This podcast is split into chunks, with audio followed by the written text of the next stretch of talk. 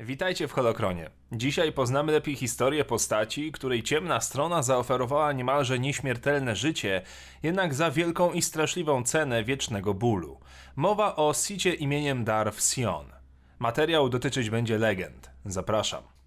Człowiek, który miał stać się Darth Sionem, żył w czasach starych wojen Sithów, około 4000 lat przed bitwą o Jawin. Sion, które może być jego prawdziwym imieniem, był przez długi czas kaleką pogrążonym w bólu. Z tego powodu jego życie było przesiąknięte nienawiścią. Zamiast cierpieć w milczeniu, Sion postanowił ucieleśnić swój ból jako swoją wyjątkowość, stając się Darth Sionem, panem bólu. Wielkiej Wojnie Sithów w 3996 roku Sion służył jako maruder Sithów w Imperium Sithów Exarakuna.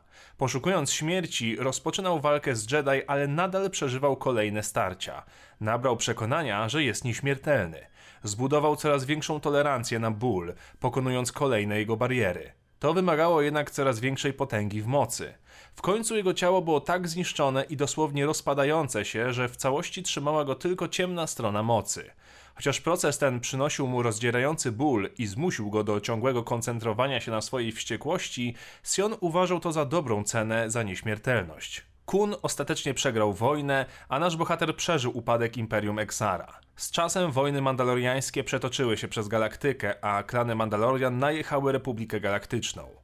Sion został ukształtowany w tych wojnach. Kiedy się skończyły i utworzone zostało nowe Imperium Sithów, Darth Revana, nowego Mrocznego Lorda Sithów i jego ucznia Darth Malaka, Sion został nowym Lordem Sithów w tymże Imperium. Ale i temu Imperium nie pisana była długa historia.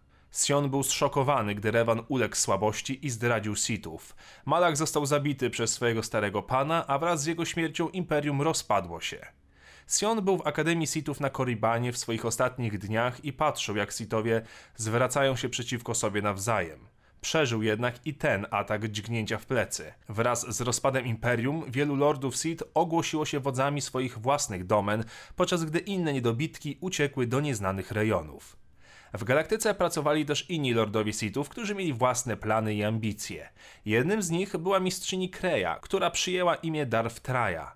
Traja, szukając ran w mocy, znalazła Siona i innego lorda Sithów, Darth Nihilusa, lorda głodu.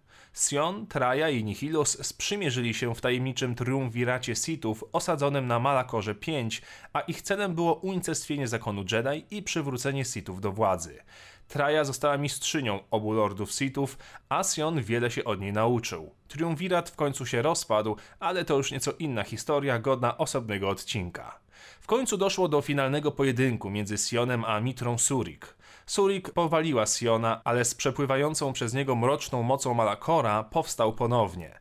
Walczyli raz jeszcze i raz jeszcze Sion musiał ugiąć kolano. Surik w końcu odniosła się do jego emocji i logiki i powiedziała mu, że został już pokonany, a Kreja szanuje tylko tych, którzy potrafili panować nad mocą i w pełni korzystać z jej nurtu, a nie takich jak on, którzy na niej polegali.